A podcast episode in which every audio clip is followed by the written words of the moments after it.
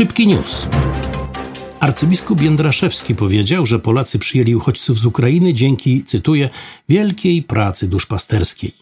Tysiące niewierzących, a pomagających Ukraińcom Polaków dowiedziało się też, że stało się to dzięki chrześcijańskiemu duchowi narodu polskiego. Ciekawe, czy metropolita krakowski ma się czym osobiście pochwalić w kwestii pomocy uchodźcom, zwłaszcza tym z granicy polsko-białoruskiej. Na stacjach paliw w Polsce drożyzna, a Orlen i Lotos zamiast zmniejszyć swoje horrendalnie wysokie marże, opublikowały w kupionych przez siebie mediach artykuł napisany przez koncernowego propagandistę i tłumaczący, dlaczego musi być drogo. Jako przykład podaje się w państwowych mediach nieprawdziwe ceny paliwa z Norwegii, zawyżając je o 30% i nie odnosząc się do ogromnych dysproporcji pomiędzy zarobkami Norwegów a Polaków. Czekamy na argumenty w stylu: A u was biją murzynów. Gdzie tam biją? Tusk bije. Pisowski nabab Marcin Chorała, słynący z zarabiania sowitych pieniędzy w nawet nieistniejących firmach takich jak CPK, oświadczył, że są już dokładne plany tej gargantuicznej inwestycji, zatem mm, co do metra będzie można określić położenie pasów startowych oraz hali portu, do którego, uwaga, pasażerów będą dowozić koleje dużych prędkości osiągające nawet 350 km na godzinę. W kraju, w którym buduje się lotniska, z których nie odlatuje żaden samolot, widzę Radom, w którym opóźnienia pociągów sięgają setek minut, widzę PKP, w którym budowane z dwóch stron tory nie schodzą się przy próbie połączenia widzę Łódź, zabrzmiało to jak nowy rozdział nienapisanej powieści Juliusza Werna.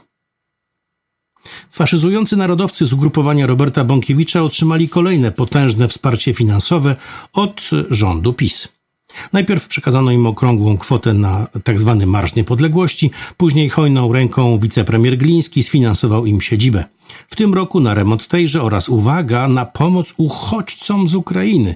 Kolejne setki tysięcy. W sumie w ciągu roku uzbierały się 4 miliony złotych dotacji.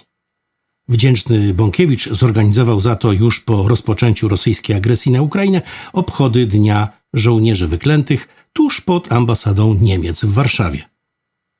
Jak to było w misiu? Chłopaki, ja wam zawsze wszystko wyśpiewam.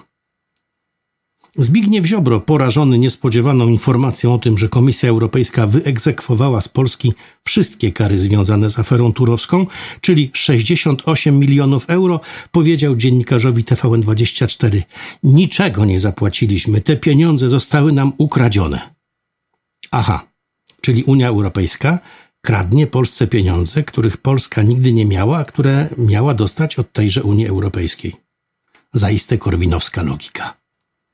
I na koniec jeszcze bonmot tygodnia, który wędruje tym razem do niedoszłej prezydentki Polski, niedoszłej aktorki serialowej i niedoszłej dziennikarki Ogórek Magdaleny, która tłumacząc telewizją tak zwanej telewizji publicznej powiedziała o cenach paliwa w Polsce – ta cena na tle Europy jest naprawdę dobra.